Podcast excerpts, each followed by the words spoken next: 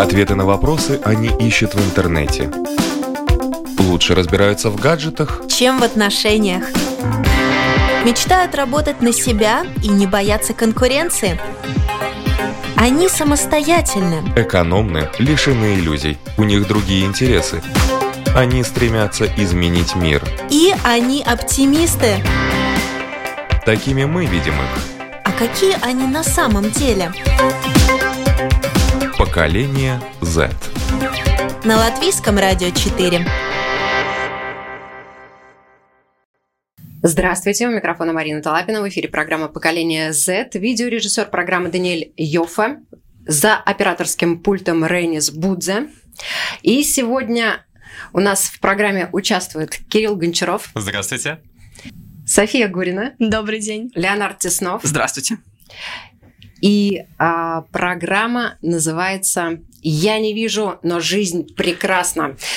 Она называется так, потому что у нас в гостях наш друг, э, наш э, очень хороший участник программы, замечательный человек Михаил Олехов. Э, он не видит, он герой сегодняшней нашей программы. Привет, Миш, спасибо огромное, что прилетел и пришел. Спасибо большое за, за, прият... а, за теплый прием. Добрый день всем. И у меня сегодня в программе моя соведущая, моя коллега, необычная соведущая, потому что обычно у нас э, ребята э, помогают вести программу, но сегодня мне помогает программу вести моя коллега Елена Вехрова. И э, она помогает ее вести не просто так, а потому что она тоже инвалид по зрению. Она плохо видит, и зрение начало ухудшаться уже с подросткового как раз возраста. Но тем не менее, жизнь прекрасна, и мы сегодня вам это докажем.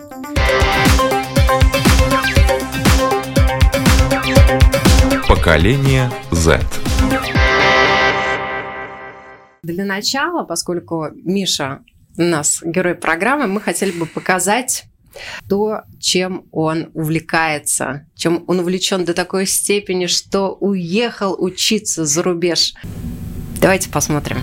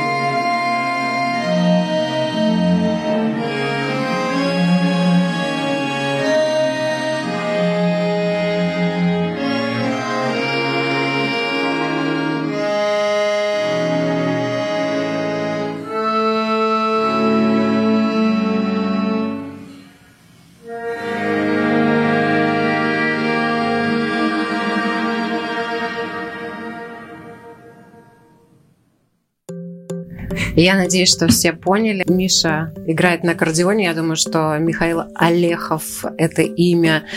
А, те, кто слышит, запомните, вы его еще услышите не раз. А, Миша, расскажи, пожалуйста, об этом своем увлечении. Сколько лет ты начал заниматься музыкой? Кто тебя привел? С чего все началось? Начал заниматься в 7 лет. А вначале это вообще не был аккордеон. Я пошел на фортепиано год отзанимался, понял, что сожалению, это не мое. И каким-то образом я а, перешел на аккордеон, и как-то это все пошло, начало развиваться. И когда мне стало, было, когда мне стало 14, я понял, что я все-таки хочу этим заниматься, и то у меня шло, это развивалось. И так это пришло к тому, что был а, этот концерт, эта запись, она а, была сделана а, в июне прошлого года с, а, с квартетом Эпок из Праги при содружестве а, чешского посол, посольства Чехии в Латвии. И все это к этому пришло, что я сейчас в Праге учусь. Миш, скажи, пожалуйста, ты с рождения не зрячий? Ты пришел в музыку, ты не видел ничего? Ничего. А как ты учился? Вот это очень сложно представить, когда ты не видишь ни ноты, э, ни клавиши. Ну, насчет того, что клавиши не видишь, это и так не видишь, даже если ты а у тебя со зрением все в порядке, когда ты на аккордеоне играешь, ты не видишь клавиш. Но насчет нот я все на слух воспринимал поначалу. Ну и одна из таких основных причин, почему я в Прагу уехал, а учиться, получать дальнейшее образование, в том, что, заключается в том, что они предоставляют возможность мне изучать ноты, которые для меня тоже доступны. И сейчас это становится все более и более актуальным, так как а, произведение уже достаточно сложное. Это все только растет. А, только чтобы развиваться, надо все более и более сложные произведения разбирать. А там есть возможность э, пользоваться нотами, да. которые... Брайля или Брайля. Брайлевские ноты. Да? Это Брайлевские. ноты для тех, кто не слышал. Я о них тоже очень давно, э, совсем недавно узнал в первый раз. Это когда тактильный шрифт Брайля, э, шесть точек используется для обозначения всего, что я читаю. И с помощью него можно читать ноты, воспринимать музыку и все то же самое делать, что и обычный музыкант со своими нотами. Ну тут, конечно, если зрячий музыкант может э, следить э, за нотами, да, листать, читать так сказать, да, то тебе, Я тоже тебе приходится, читать. но тебе приходится много запоминать. Конечно. Да? А кто тебя привел заниматься музыкой? Вот кто, может быть, посоветовал родителям отдайте мальчика? Мы знали, куда, если я пойду заниматься музыкой, я пойду, потому что у меня уже сестра начала заниматься перед этим в той же самой музыкальной школе. Это а, школа имени Павла Юрьяну. И для меня не стоял вопрос, куда идти, но мои родители поддержали меня в, в этом, потому что я очень хотел чем-то таким заниматься. И я скажу, что всегда поддерживали во всех моих устремлениях. Хоть иногда они казались и мне безумными, и им, но все равно что-то из этого получалось. А какие у тебя еще безумные устремления? Ну, например, что у меня было? Боеви, боевые виды спорта А попробовать. вот давайте сейчас тоже посмотрим э, на экран и увидим, чем Миша еще занимается. Вот кто видит э, нашу программу, сейчас видит, как совершенно незрячий человек легко и непринужденно передвигается на татами. Рассказывай, как, как тебя туда занесло? Меня туда занесло так, что мне захотелось что-то попробовать из-за боевых видов искусств, но не хотелось быть а, как все. Не знаю, почему такое всегда было желание. И я не пошел в карате, но пошел в айкидо. И мне очень повезло с моим а, преподавателем, который очень много а, делает для того, чтобы я сдавал на тех же самых условиях, без никаких поблажек. И это как бы а, результат нашей работы совместной. Для него был совсем необычный опыт. Конечно, много первый раз он делал. Но все равно не побоялся взяться. И вот что, вот что получилось. И какой у тебя пояс? У меня сейчас, а, к сожалению, не черный пояс, как все могут подумать. Не только в черных поясах а, заключается. Перед черными поясами есть еще цветные пояса. И у меня сейчас а, оранжевый. А в какой школе ты учишься? В обычной или в специализированной? Я сейчас уже закончил свою обычную школу. Это Обычную была- школу. Это была школа, Вайварская основная школа. Это школа, которая реализует инклюзивные программы. И они а, мне помогали в моем обучении до 9 класса. А сейчас я учусь а, в Праге в консерватории имени Яна Дейла. И там я буду 4 года еще учиться. Это э, обычная консерватория? Это консерватория тоже с инклюзией, что и люди, которые с проблемами зрения, учатся с теми, у кого, у кого их нет. Сейчас я предлагаю посмотреть еще один сюжет. Мы побывали у Миши дома и посмотрели, как он живет, как он совсем э, справляется, и некоторые особенности его жизни, как он заваривает чай, например, мы узнали. Так, сейчас я приготовлю себе чай. Идем, нап- наполняем водой. Так. А, с помощью руки я измеряю, насколько воды я налил. И это самое полезное вообще свойство, которое может быть. Так, сейчас. Вот ставим чайник. Угу. И ждем, пока закипит вода. Так, открыли. Достаем. И готово. Пока закипает вода, а, хотелось бы рассказать, как обычно наливают чай или какие-то жидкости. И в этом случае есть два способа. Более технологичный это когда есть специальный а, датчик, который вставляется а, в кружку и пока и начинает пипикать, когда а, достигается определенный уровень жидкости. И есть более старый, но зато более универсальный способ, когда измеряется просто тем, что прикладывается к внутренней стороны чашки палец. Конечно, можно и обжечься, но кого это останавливало? Так, снимаем. И наливаем. Вот налили чай. Приятного всем аппетита. Есть кто-то тоже заварил себе чай. А, мое утро обычно дома начинается достаточно поздно, но это потому что дома. А если так, в большей степени я сейчас учусь в консерватории в Праге, поэтому мне надо очень рано вставать, в районе 6-7.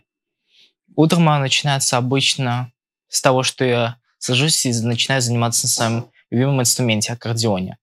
После этого у нас начинаются уроки. И это длится все до 6-7 вечера, а потом опять репетиции. И музыки, я честно вам скажу, предостаточно.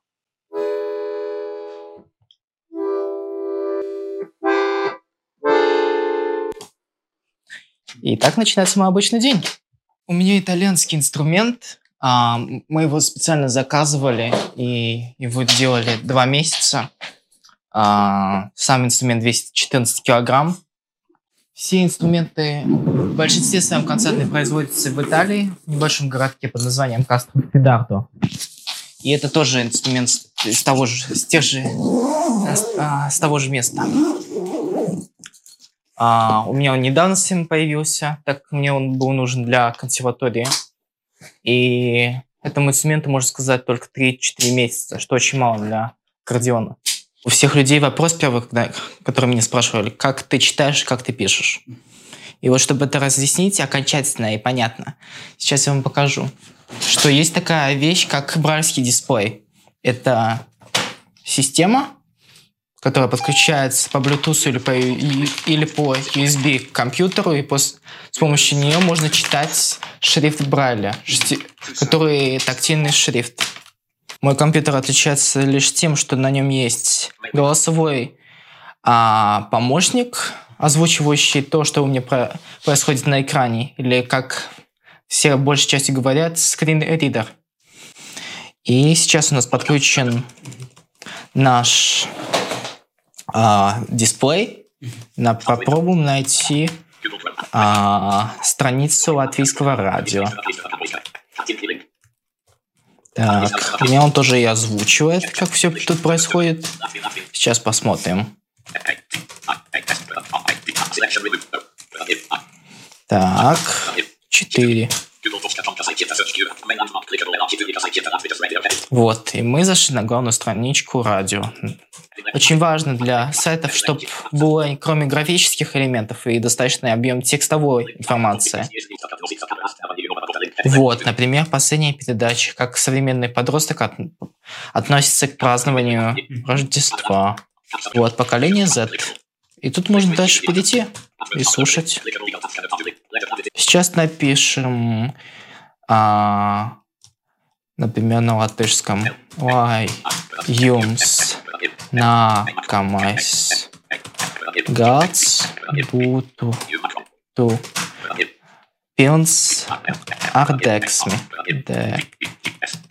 И это то же самое могу почитать здесь. Lai jums nākamais gads būtu pilns ar deksmi. Чтобы ваш а, Новый год был наполнен вдохновением. Так, сейчас напишем. А, уже Рождество прошло, но все равно. Прец. Вот сейчас я пишу на компьютере и меняется тут. Вот. Приecīgus Ziemassvētkus. Для нот существует а, специальный способ записи, это который я, за которым я отправился именно в Прагу, в Чехию. И тут начинается текст тех произведений, которые я сейчас разучиваю на, на аккордеоне. Написано «Аллегро», это значит быстро и весело, 124 четверти. И дальше идет текст, такты, разделений. Все то, чего обычный человек боится. Огромное количество нот. Сейчас мы найдем Facebook наш. Как слышно, он говорит. Это ускоренный английский. Я его достаточно понимаю. Тут видно, например, в Фейсбуке предлагаются мне ивенты. И все озвучивается, что тут происходит. И вот, например, а, одна театральная студия предлагает свой спектакль. на в отсутствии любви и смерти. Я могу на него подписаться, могу, а, могу, например, уже купить билет напрямую и узнать, где находит, находится. Сейчас отправим сообщение Марине. Марина, запятая, увидимся в эфире. Восклицательный знак. Вот, и можем отправить. Все.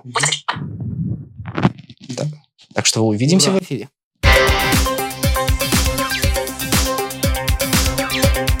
Поколение Z. Я напоминаю, это программа «Поколение Z», и сегодня а, у нас программа «Я не вижу, на жизнь прекрасный». Главный герой программы Миша Олехов, сюжет, о котором вы только что видели. Э, Миша, вот я считаю, у тебя как минимум, помимо всех а, твоих уникальных способностей, есть еще одна уникальная способность – это прослушивать э, все в ускоренном режиме и не просто прослушивать, я прослушивать тоже могу. Но ты это все еще и понимаешь. Ну, там ничего сложного нету. Там, там повышенная скорость, вот я не знаю, если сравнивать с, э, наверное, это гонки. Надо провести, надо провести эксперимент и узнать, насколько быстрее. Миш, я вообще вот сейчас посмотрела все эти видео. Я впервые с тобой э, сейчас э, в студии uh-huh. общаюсь. Я до этого не знала, тебе не слышала. И, в принципе, если бы мне не сказали, что ты не зрячий, я бы, наверное, даже и не поверила, потому что настолько у тебя жизнь разнообразна, богата увлечениями, событиями. А ты сам ощущаешь, что ты немножко другой, чем все?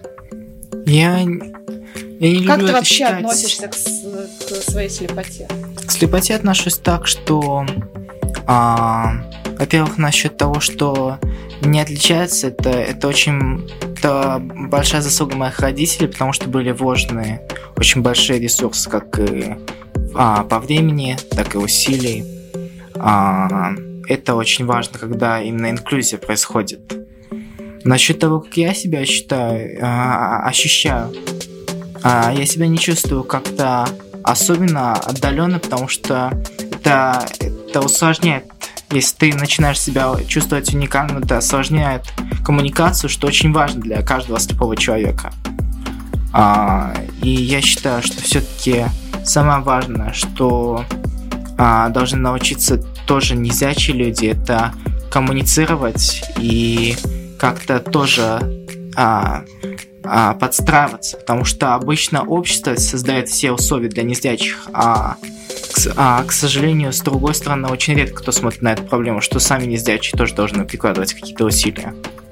И вот это как раз про то, что инклюзия — это что идет с двухсто- двухсторонняя связь, когда ком- коммуникация приход- а, происходит как не только со стороны общества, что они спрашивают, как вам помочь, но и незрячие должны что-то делать.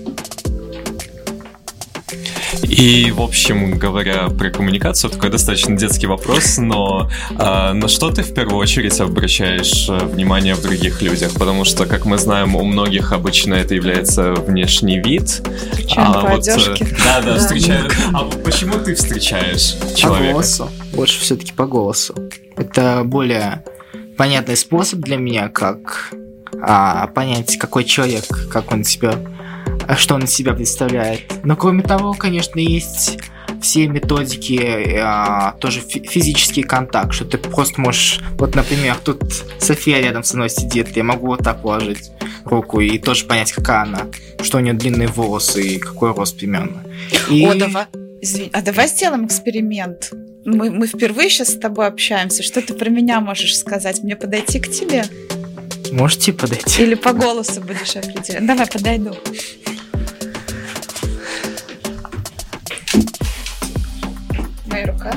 Вот. Так.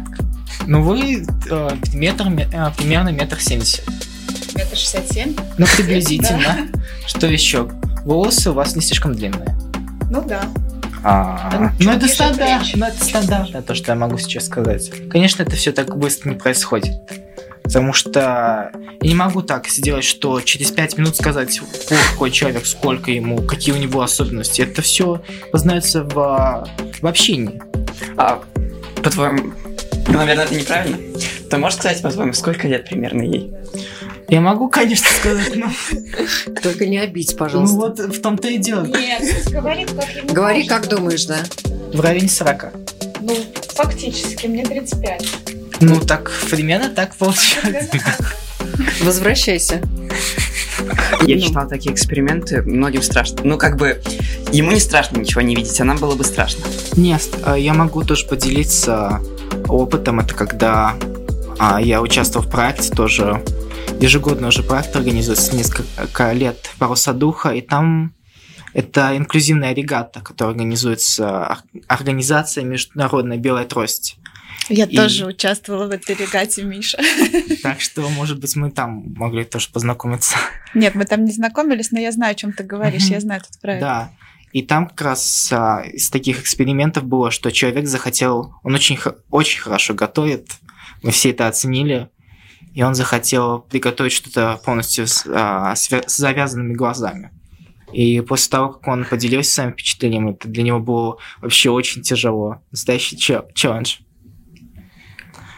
Потому А- что ты не видишь, и ты пытаешься... Ты, ты другие все свои чувства включаешь, и поэтому у тебя мозг, мозг начинает закипать через какое-то время. А у тебя какое чувство больше развито? Ну, говорят же, что если отсутствует одно, то компенсируется каким-то ярко выраженным другим. Слух, Слух и обоняние, тактильное.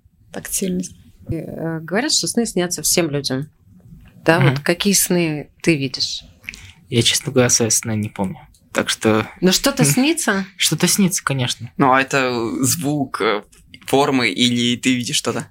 Ну, звук, форма, цвет. Я, я не полностью потерял зрение. До 6-7 лет я видел достаточно крупный шрифт. Потом у меня начало сильно ухудшаться. Поэтому я и не говорю, что это зрение, можно сказать, вообще не использовал. Но как бы представление у меня есть, что такое зеленый цвет, что такое синий. Потому что для многих людей, которые уже с рождения не видят, это очень сложно объяснить, что такое, а, как выглядит небо или какого цвета трава. Ведь таких понятий отсутствует. Что такое зеленый, что такое желтый. Допустим, если мы тебя спросим. М- Миша, вот как ты себе представляешь нашу студию? Ты же ведь до шести лет вряд ли бывал в студии, то есть ты не видел ни Да. микрофонов, скорее Мгм. всего, ничего такого. Вот как ты себе это представляешь? У меня это появится в а, описании более в текстовом формате, что я буду словами пытаться описать. У меня не будет таких, что образ, какая-то картинка нарисуется. Мгм. У меня такое представление будет. Смотри. Акидо ты пробовал, ты яхтингом занимался. Ш- Что-то бы ты еще хотел попробовать, но ты не можешь. Из-за зрения. Ну, такого прям, конечно, хотелось бы машину водить, но это я уже до 6 лет успел поделать. По лесу поводил машину, но чуть и в дерево не въехал. Понял, что это не мое, к сожалению. А что еще? Ну, как бы нет а, причин, а, как я слышал от других, что незрячий человек только не может машину водить и самолетом управлять, а все остальное как бы доступно. Так что Читать книги, я вот очень скучаю по этому навыку. для этого Брайль есть. Я не владею, к Ну сожалению. или аудио. Я аудио слушаю, да, но мне не хватает вот этого шелеста бумаг. На самом деле, конечно, такие люди, вот как ты, Миша, вызывают огромное уважение, и глядя на все твои успехи, нам есть чему учиться, есть к чему стремиться, есть э, с кого брать пример. Так что спасибо большое за то, что ты столько всего добился за, за свои 16 лет. Такой вопрос. Вот в будущем планируешь ли ты иметь свою семью? Очень, очень сложный вопрос, София. Даже сейчас не знаю, как ответить на него. А, может быть, когда-нибудь. Ну, как в целом ты видишь свою жизнь, скажем, через 10 лет, когда ты закончишь консерваторию? Ты планируешь дальше выступать? А, я больше планирую пока что, а, как, и бо- большое, как и наше поколение, мне кажется, поколение миллениалов, или как это Мы называют? постмиллениалы. Да, мы постмиллениалы. Поколение Z. Поколение Z. Наша программа так Да. называется. Мы не можем быть други- из другого поколения. Ну вот. Я пока что думаю все-таки концентрироваться больше на музыку, потому что это сейчас время, когда именно это закладывается. А, как-то с музыкой надо понять, что, что дальше делать, куда двигаться. Потому что все меняется, и музыка тоже очень меняется сейчас, в наше время. Но насчет семьи, ну, увидим. Я не могу сейчас сказать. Если, например, тебя, София, спрошу, через пять лет пригласишь на свадьбу, ты ведь мне не скажешь, да или нет. Приглашу ли я тебя на свадьбу? На свою свадьбу через пять лет. У тебя она будет? Ну, через пять лет вряд ли. Но Ну вот, это именно из то- того же а, разряда вопросов. Это надо стара... Я понял то, что а, надо стараться жить моментом сейчас. Это я сейчас пытаюсь... Это как бы моя цель на 2020 год. По возможности не задумывал, не строить долгосрочные планы, так как они все равно меняются и правятся. Миша, у меня такой вопрос. А как ты относишься к культуре, которая основана на внешнем виде человека? Ну, у меня такого особенного отношения к этому нету, но я Лук, все-таки придерживаюсь а, каких-то трендов. Это тоже важно, как незрячий человек выглядит. Потому что встречают по одежке, если у тебя хоть если ты не но у тебя одежка нормальная, но все равно отношение будет лучше. Все есть- равно это важно. Ты выбираешь одежду по брендам. Не, не выбираю прям по брендам, но все-таки, чтобы как-то как-то хорошо смотрелось, это для меня играет роль. Ну а как ты понимаешь, хорошо это смотрится на тебе или нехорошо? Ну вот в этом плане это, это как раз и такой минус, что надо с кем-то ходить, чтобы у тебя было особое мнение со стороны. Ну, мы же Поэтому- тоже всегда просим оценки со стороны, когда купили какую-нибудь новую курточку, кофточку, платьице. А бывали у тебя такие случаи, когда там ты идешь, у тебя там пятно, ты его не видел, и тебе там кто-то ха-ха, у тебя пятно. Не, ну, конечно, бывало, но я так думаю, и у всех такое бывало. Да, тоже верно. Навыки коммуникации, они, по-моему, важны для всех. Вот насколько человек умеет э, коммуницировать в жизни, настолько он, наверное, и успешен. да. Это, это важно для Универсальное всех качество, да. людей, но для незрячих вдвойне, потому что когда обычно человек встречает незрячего на, на улице, он, у него первое ощущение, в большинстве случаев, конечно, я не говорю, что нет, это исключение, но большинство людей боится этих людей, потому что это непонятно, неизвестно, что с ним делать. Я думаю, что многие не столько боятся, сколько сразу хотят помочь. Но эта помощь иногда необходима. И по- э, иногда необходима, а иногда можно и без нее обойтись. И вот когда человек начинает объяснять, когда он может это сделать, тогда меняется у людей представление. Вообще э, люди относятся, э, люди предлагают помощь. Чужие, да? Чужие ну, люди. предлагают. Но иногда это, это, иногда это полезно, иногда, когда люди очень настырно предлагают помощь, это наоборот, не помощь, а во вред идет этому человеку. Потому ну и что тут твои навыки коммуникации как раз тебе это потому что многие незрячие хотели бы стать более самостоятельными, но так их окружение этому, к сожалению, иногда не мотивирует. Слишком опекают, да? Иногда слишком опекают, иногда, когда человек Жалеют хочет очень. э, какой-то шаг сделать к самостоятельности, что для незрячего очень важно. А иногда, наоборот, не хватает. Может быть, какие-то люди такие есть. С какими трудностями ты сталкиваешься во внешнем мире, когда выходишь на улицу? М, С, э, с тем, что дороги больше, надо их как-то переходить. И у нас эта проблема более сильно чувствуется в Риге, чем в Праге. Потому что а, а, доступность среды это как раз заключается в том, что есть светофоры, которые звучащие. У нас их, можно сказать, два или три. Может быть, чуть больше, но скажите где. А в Праге это очень развито в этом плане. Поэтому у меня есть уже опыт, с чем я могу сравнить. Ты, ты ходишь в магазин? Да, конечно. Как ты закупаешься? Просто спрашиваю. То Вы есть, ведь ну, когда не допустим- знаете что-то, где что-то ст- что-то стоит, тоже спрашивать? Да, разумеется. Ну вот так и я делаю. Но, вот, допустим, вот э, тебе нужно молоко купить. Да. Ты спрашиваешь, а где молоко? Ну, тебя подводят там к э, полке с молоком. да. А там же выбор. огромный, да. Как ты выбираешь? Есть ли у тебя какие-то э, Критерии. свои, Молоко. нет, свои какие-то фишечки шопинга? Есть, конечно, э, брать то, что посвежее и подешевле. А как ты узнаешь цену и э, срок годности? Тоже спрашиваешь? Ну, это, это да. Это можно спросить. Или есть а, разные, например, сервисы. У нас в наше время а, есть приложения специальные, которые определяют а, текст, или можно позвонить волонтерам. Есть такое, такая программа, как BMIS. Это ты с- созваниваешься с волонтером, и при помощи видеокамеры он может тебе помочь, например, когда даже ситуация с молоком, сколько процентов жира и сколько оно стоит. Вау, Класс. слушай, Миша, ты мне расскажешь об этой программе подробнее, потому что я, я слабовидящая, я фотографирую на iPhone и просто увеличиваю фотографии, только тогда я могу там срок годности посмотреть или цену, потому что так я тоже не вижу. А об этой программе я не знала, спасибо. А ты говорил про избыток или недостаток э, помощи от людей. По-твоему, это связано именно с образованием людей, как нас учат о том, что э, существуют люди с особыми потребностями, или проблема в чем-то другом? Нет, это двухсторонняя проблема, что и образование а, могло быть куда лучше в этом направлении развито. Потому что очень мало обычные люди сталкиваются с теми, у кого ограниченные возможности. А, например, в школах они, а, я считаю все-таки, что если было больше таких школ, которые готовы а, интегрировать, а, интегрировать людей с ограниченными возможностями, эта проблема со временем нивелировалась бы. Но самое главное это, это по возможности тоже мотивировать работодателей, что, чтобы они брали и тех нездя- а, нездячих работников, потому что это тоже проблема возникает со временем. Если ты хочешь какую-то работу найти, то с этим сложности появляются.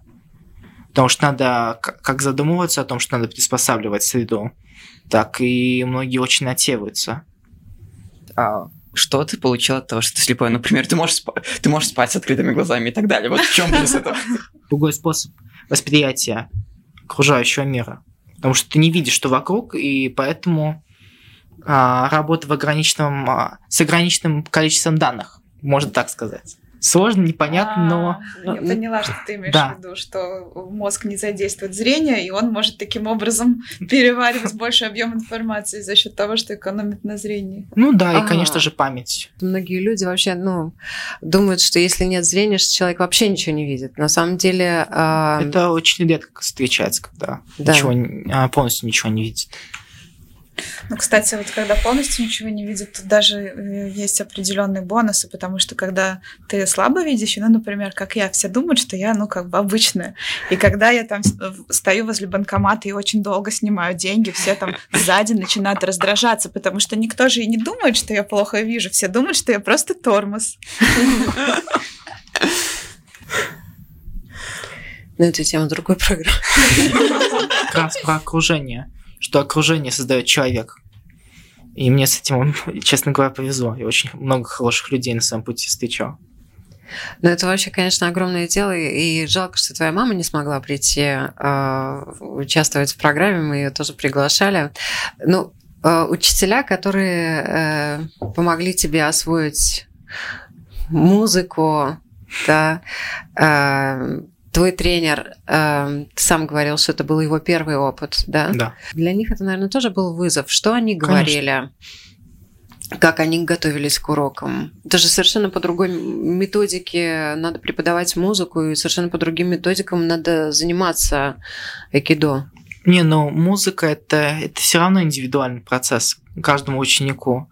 Просто, может быть, те объемы работы поначалу были меньше, и в этом различие было, заключалось главное. Но моя учительница так со мной не делилась этим. Это все оставалось как-то... Э, а, она как-то в себе это держала. Но у нас не было проблем. Потому что как-то мы сразу поняли и на одной волне все эти, несколько, а, все эти года в музыке, даже не знаю, как сказать. Прожили. Прожили, да. Для нас уже для всех не секрет то, что ты часто выступаешь, поскольку играешь на аккордеоне, и выходя на сцену, многие там артисты, певцы или музыканты переживают и очень волнуются, потому что видят взгляд людей, Я и это волнуюсь. прибавляет им волне. Вот ты также переживаешь? Да ты же не видишь эту толпу Может бешеную. Я чувствую играешь... энергетику толпы. Шум. То есть такого уединения полноценного нет? Какое уединение? Его ну... никогда нету. Потому что ты все равно чувствуешь в чем э, почему сцена так привлекает музыкант, э, музыкантов? Потому что это, это эмоции, угу. это ощущение зала, это публики. Ты ощущаешь это напряжение, и как бы э, если тебе по-настоящему многие музыканты именно в музыку идут не только не потому, что музыка нравится, а потому что это ощущение сцены, этого напряжения. Все музыканты это те, которым не хватает адреналина, можно так сказать. У меня к ребятам вопрос. Вот я так понимаю, что вы давно знаете Мишу, давно с ним общаетесь. Вот вы чувствуете какую-то, не знаю, неловкость, э, что он немножко не такой, как вы, что он вас не видит? Я чувствую неловкость, когда не знаю, нужна ли ему помощь в том, чтобы куда-то дойти и все. А так-то при общении отличный парень, все. А я чувствую, что он круче, чем обычный парень. У меня, например, неловкость полностью отсутствует, но это отчасти связано с тем, что в нашей школе э, постоянно присутствовали люди с особыми потребностями, да, поэтому э, у меня нет вот этой части неловкости из-за того, что э, Миша э, не видит. Но я постоянно удивляюсь того, как он по голосу по одному слову может определить «А, привет, Кирилл». Да, вот, э, вот этому я точно каждый раз удивляюсь. Потому что это произошло даже на второй раз, когда мы виделись, он сразу сказал «Привет, Кирилл». Знаешь, я имя не могу запомнить, а он по голосу понимает, кто это. Ну, он экономит ресурс, значит. Я тоже никакой неловкости при общении не чувствую. И действительно, э, Миша абсолютно такой же, как и все остальные ребята. И, как вы сказали, во многом гораздо лучше и удивительнее. Могу тоже поделиться небольшой историей. В моей семье тоже был незрячий мой прадедушка. К сожалению, я лично с ним не была знакома, я его не застала. Он потерял зрение, когда ему было 18 лет. И помимо этого ему оторвало руку во время войны, но несмотря на это, у него была жена, у них были дети, они прожили очень долгую, счастливую жизнь. Он умел печатать на печатной машинке. Таким образом, э, они зарабатывали деньги и вырастили своих детей, дали им образование. И насколько я знаю, то, что из уст никогда не звучало ни жалоб на жизнь, он никогда не был в печали, в депрессии и был счастлив. Вот. Это, так, конечно... кстати, вот удивительный такой момент. Я тоже по долгу службы на радио а, общалась с очень многими незрячими из нашего общества слепых.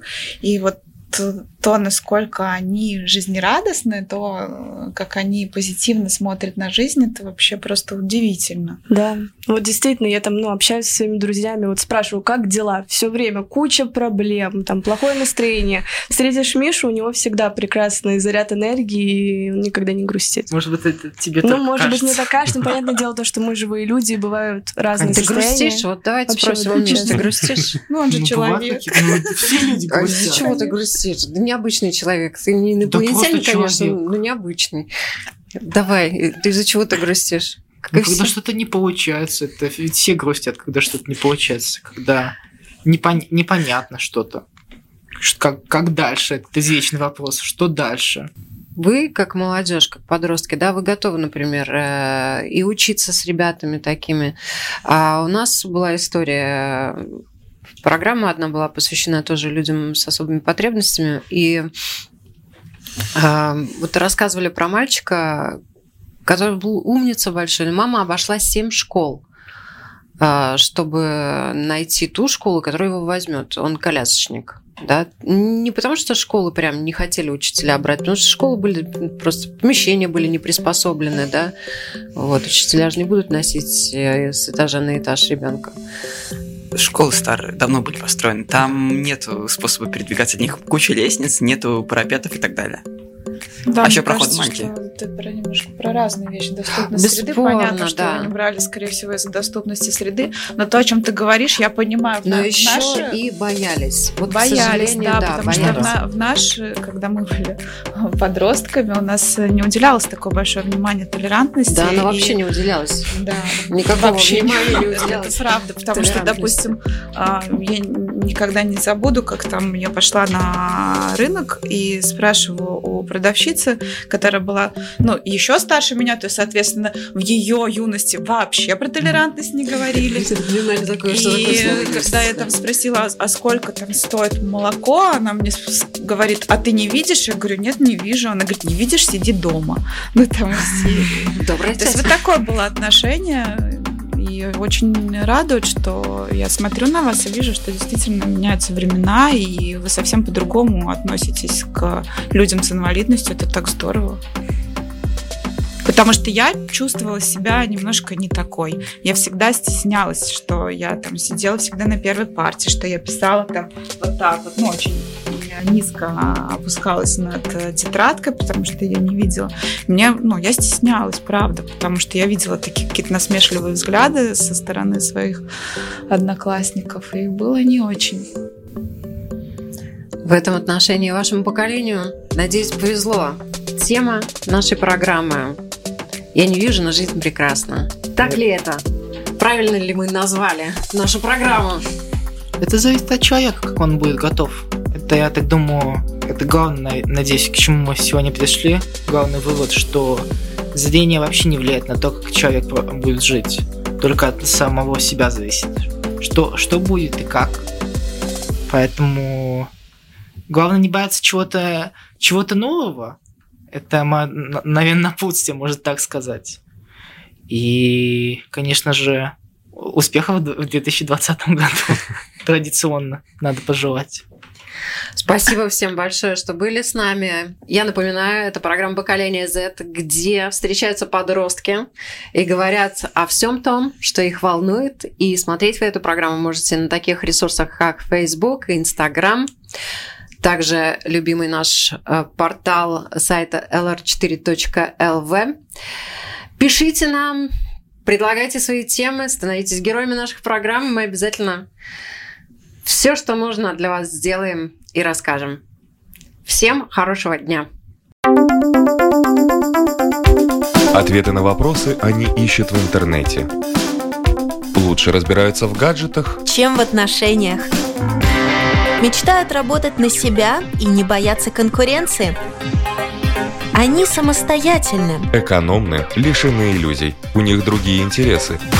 Они стремятся изменить мир. И они оптимисты. Такими мы видим их. А какие они на самом деле? Поколение Z. На Латвийском радио 4.